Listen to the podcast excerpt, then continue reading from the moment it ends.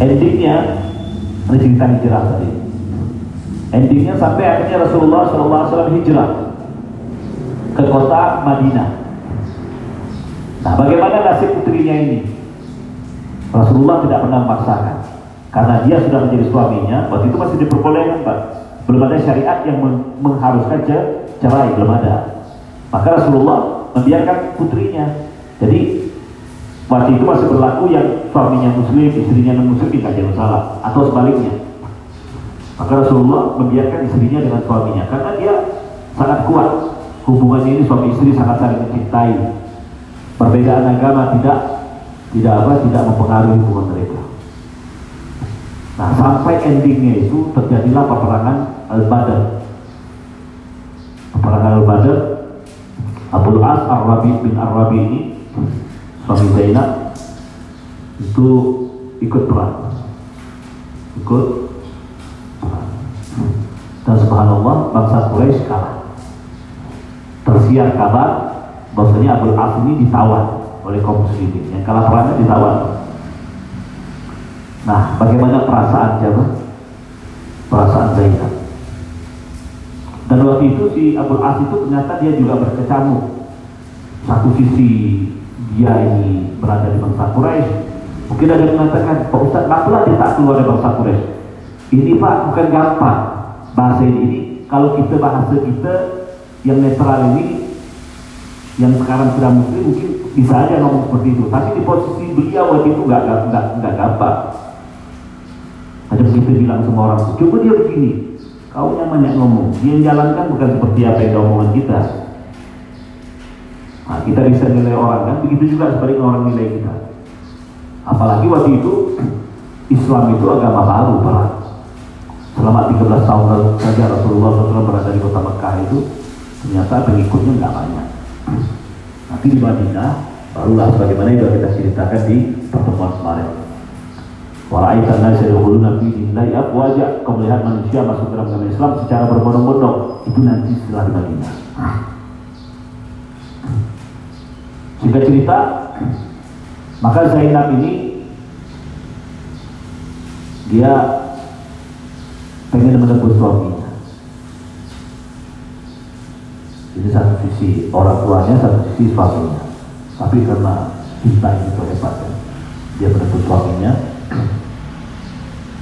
Itu Zainab itu punya kalung, kalung yang sangat bagus, sangat mahal. Hadiah daripada ibundanya Khadijah. Jadi ketika dia menikah dengan apa? Abul As itu dihadiahkan kalung. Karena Khadijah kan terkenal orang kaya. Saudagar kaya Khadijah. Dihadiahkan. Nah ternyata ketika dibawakan kepada Rasulullah, saudaranya As bin Arabi ini yang membawa kepada Nabi Muhammad dan mengatakan ya Muhammad, aku membawa tebusan dari istrinya. Ya Al-As untuk menebus suaminya. Ketika Rasulullah melihat, sedih Rasulullah. Kenapa kalung itu adalah kalung istrinya yang dihadiahkan kepada siapa? Dihadiahkan kepada putrinya Zainab. Luar biasa Pak. Ini main perasaan. Perasaan. Nah ini cerita, ini baru satu cerita yang belum cerita sih yang saya ceritakan kemarin pengorbanan para sahabat. Ini pengorbanan putri Rasulullah SAW apa namanya e, diberi kalah ke padahal Al As bin Arabi itu keluarganya orang kaya apa? Dia mampu menebus si As Arabi ini supaya dikembalikan ke keluarganya di tebus sisa tapi Zainab saking cintanya dengan suaminya dia tidak mau. Aku istrinya. Aku masih punya harta. Biar aku yang menebusnya. Ketika kalung itu sampai ke Rasulullah Rasulullah itu sedih. Karena ini kalung pemberian istrinya Khadijah kepada putrinya Zainab. Sebab perasaannya satu sisi menantunya satu sisi anaknya satu sisi kalung ini pemberian istrinya. Jadi jangan dikira Rasulullah nggak main perasaan tapi cintanya kepada Allah mengalahkan perasaan. Tuh Pak ya? Kita ini terkadang perasaan kita mengalahkan syariat Allah Subhanahu wa taala. Ini pelajaran kita bisa ambil dari cerita ini apa? Bagaimana syariat itu cinta Allah mengalahkan perasaan. kita terkadang perasaan jalan dulu. Dudi agama. Ya. Maka akhirnya Rasulullah dengan berat hati datang kepada sahabat-sahabat yang lain dan mengatakan wahai sahabat-sahabatku Al-As Ar-Rabi' ini akan ditebus oleh keluarganya ini memang sudah jadi aturan bagi itu Pak. Boleh diambil tapi ditebus. Akan ditebus oleh keluarganya. Dan ini kalau menjadi tebusannya. Kalau boleh kata Rasulullah aku minta usulan. Ini usulku. Kalau boleh dia ini dikembalikan ke keluarganya dan kalungnya juga kita kembalikan. Dia nggak tega karena putrinya. Apa kata sahabat? Enggak apa-apa ya Rasulullah. Tapi ada syarat yang lain. Oh, ini Rasulullah musyawarah dulu Pak. Ini bukan semau gue. Walaupun dia seorang pemimpin bisa saja. Udah, ini kembalikan.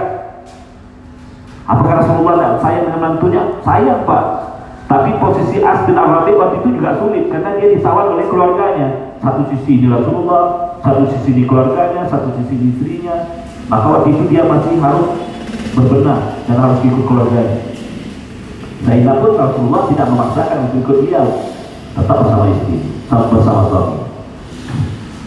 Sampai akhirnya uh, apa syaratnya kata Rasulullah? Kalian musyawarah dulu. Maka setelah ketemu hasilnya mereka nyampe kepada Rasulullah ya Rasulullah boleh si Al-As bin Ar-Rabi ini kita kembalikan kepada keluarganya dengan satu catatan. Apa itu? Zainab istrinya harus kembali kepada Islam, harus kembali kepada ya Rasulullah. Ini berat nih Pak. Kalau dia dikembalikan, maka istrinya harus ikut Rasulullah, harus pindah ke Madinah, harus dipisah, harus ditolak. Sekarang pertanyaan saya Pak, kira-kira Rasulullah tega tak? Pasti nggak tega.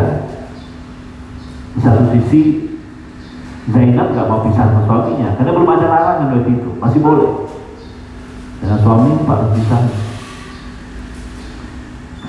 Subhanallah jika cerita dengan berat hati si siapa si karena si As ini mikir kalau aku tidak aku penuhi ini toh aku di sini. Di Madinah terus di penjara. Sementara suamiku dan istriku di Mekah Zainab. Juga bisa kan? Intinya kan juga bisa ini kalau aku balik, berarti istriku yang ke sini. Juga bisa. Akhirnya beliau memilih opsi yang kedua.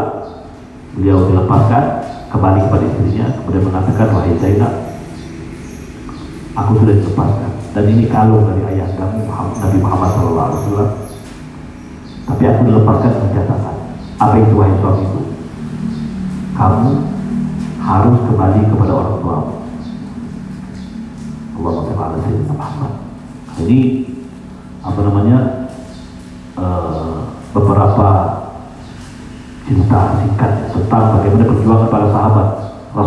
Berjuang Rasulullah berjuang dengan perasaannya. Putri beliau berjuang dengan perasaannya. Belum lagi kemarin kita ceritakan bagaimana Abdurrahman bin Auf Suhaib kemudian Salamah Ummu Salamah dan sebagainya harus terpisah dianya Ummu Salamah dengan bapaknya Abu Salamah dan anaknya Salamah tiga orang berpisah seterusnya tapi untuk mendapatkan kenikmatan yang begitu hebat, maka harus dengan perjuangan, harus dengan susah payah, harus berdarah-darah. Saya menganalogikan, kita ini makan makan siang dan dia kawan ikan bakar. Oh enak ikan bakar. Kita tahu enaknya Pak. 15 menit habis barang. 10 menit sudah selesai. Tapi untuk sampai ke jadi ayam bakar ini kan nggak langsung. Harus tangkap dulu. Habis ditangkap bisa beli habis disembelih dicelok pakai panas habis itu dicabut bulunya habis dicabut bulunya dicecar dibuang isi perutnya cukup enggak dicuci dulu. Habis cuci cukup dikasih bumbu dulu. Di bumbu cukup enggak digoreng dulu atau dibakar dulu. Jadi enggak langsung. Nyaman ikannya. Kok merasa nyaman? Ya enggak tahu prosesnya. Jadi untuk sampai kepada sebuah sebuah kesuksesan itu memang berdarah-darah. Tidak ada yang kesuksesan itu diraih dengan gratis. Ya, begitu juga Rasulullah SAW dengan para sahabatnya. Untuk sampai kepada kita Islam ini nggak gampang Pak. Darah, tenaga, keringat, harta semuanya jadi korban. Jadi itu ayat surah yang kemarin yang kita baca. Nah hubungannya dengan surah malam ini yaitu tabat syada abilah dua apa? Hubungannya adalah ini cerita tentang bagaimana sulitnya Rasulullah SAW di kota Mekah ketika pertama mensiarkan Islam. Ending daripada cerita ini nanti ada di surah sebelumnya, yaitu surah An-Nasr. Pertolongan dari Allah Subhanahu wa taala An-Nasr punya pertolongan. Dimulai dengan tabat, nanti ujung-ujungnya An-Nasr. Nah, ini munasabatul surah hubungan antara surah tabat tiada abilah dua dengan surah sebelumnya yaitu izaja Rasulullah wal Nah surah ini, surah tabat ini adalah kecaman Allah Subhanahu wa taala kepada Abu Lahab. Ini mungkin kita sudah sering dengar cerita ini. Kecaman Allah Subhanahu wa taala kepada Abu Lahab yang nama aslinya adalah Abdul Uzza. Abdul Uzza itu salah satu nama mulia pada zaman itu. Tapi ujung-ujungnya kenapa Abu Lahab? Lahab itu kan api yang berkobar. Abu Lahab orang yang menghuni api yang berkobar. Gitu. Kenapa kok sampai ke level ini? Ini kemarin mungkin pernah saya ceritakan saya senggol kepada ceritanya. Jadi setelah Rasulullah SAW berdakwah uh, secara sembunyi-sembunyi kepada umat bangsa Quraisy pada waktu itu maka datang perintah Allah. Seakan-akan Allah menegur Nabi Muhammad dan mengatakan ya Muhammad engkau hanya mengajak orang lain saja untuk masuk ke dalam agama Islam. Sekali-sekali kau ajak keluargamu Andir ashiratakal akrabi berikan kabar ancaman kepada keluarga terdekatmu. Nah itu. Ini Pak Rasulullah itu kul mur uh, kul hak kulil hak walau kana murrah. Sampaikan yang benar walaupun itu pahit. Kita ini akan mengatakan yang penting bos senang kan gitu. Tapi Rasulullah enggak katakan yang sesungguhnya walaupun itu pak pahit artinya Rasulullah SAW mengumpulkan keluarganya di sebagian riwayat mengatakan di Bukit Sofa dikumpulkan wahai Bani Abdul Manaf, wahai Bani Hashim, wahai Bani Muttalib, kumpul semuanya, kumpul, kumpul, kumpul, kumpul. Setelah berkumpul, Rasulullah SAW lalu berpidato di depan mereka.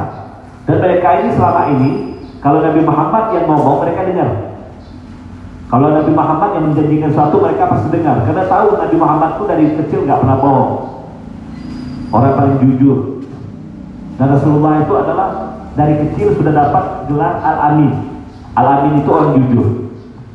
Kenapa Pak? karena orang-orang dulu orang-orang Quraisy dulu kalau setiap mau pergi ke daerah yang jauh ke tempat yang jauh mereka nggak mungkin bawa barang-barang mereka. Mereka menitipkan barangnya barang-barang berharganya dititipkan kepada orang yang terpercaya.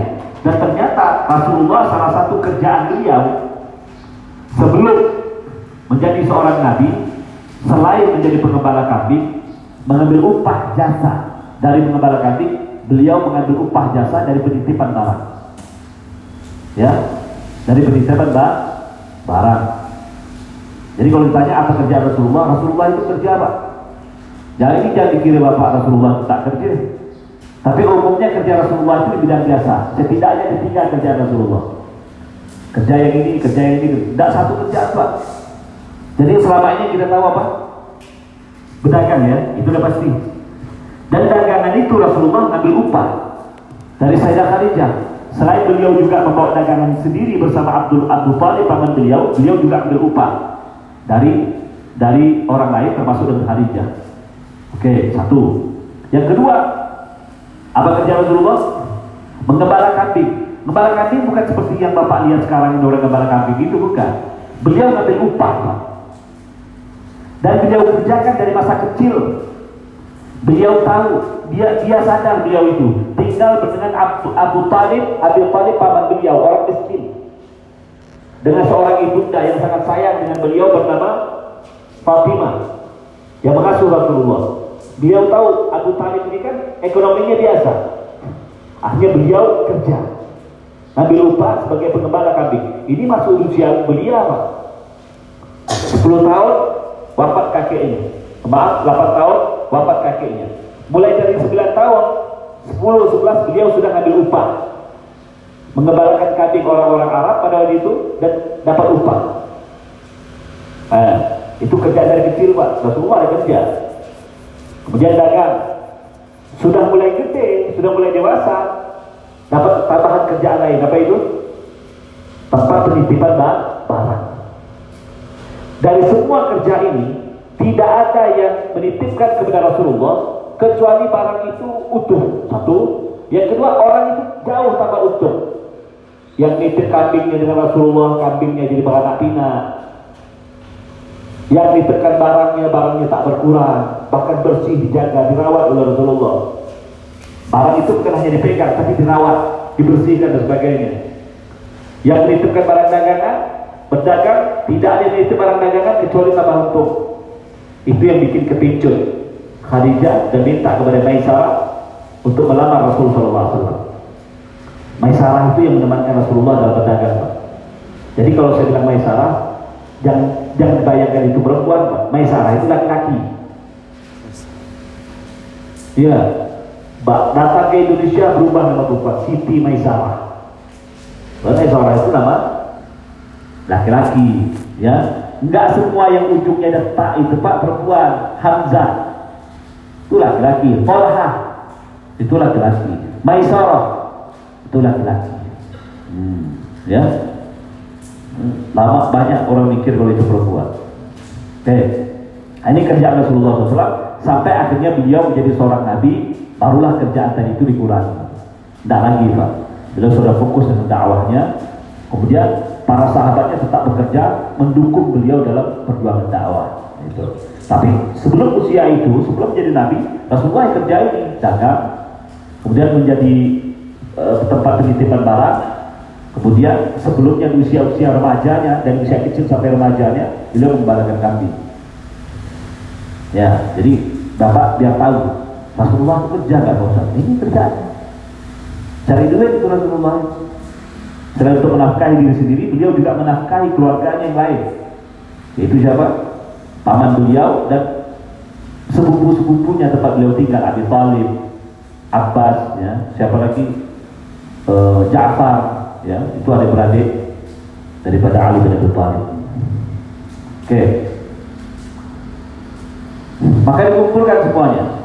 Dikumpul dan kalau Rasulullah yang bergerak memotori untuk perkumpulan, mereka itu pasti kumpul. Nggak tahu lah, karena mereka tahu bagaimana eh, apa namanya sifat Rasulullah SAW dari kecil. Akhirnya mereka berkumpul. Akhirnya Rasulullah berkata kepada mereka, wahai keluarga-keluargaku, ada apa ya Muhammad? Apa pendapat kalian jika aku menginformasikan kepada kalian sebuah berita? Apa beritanya? Dari belakang bukit ini ada musuh yang akan masuk ke kota Mekah dan menghancurkan keluarga kita. Apakah kalian percaya? Serentak mereka mengatakan percaya ya Muhammad.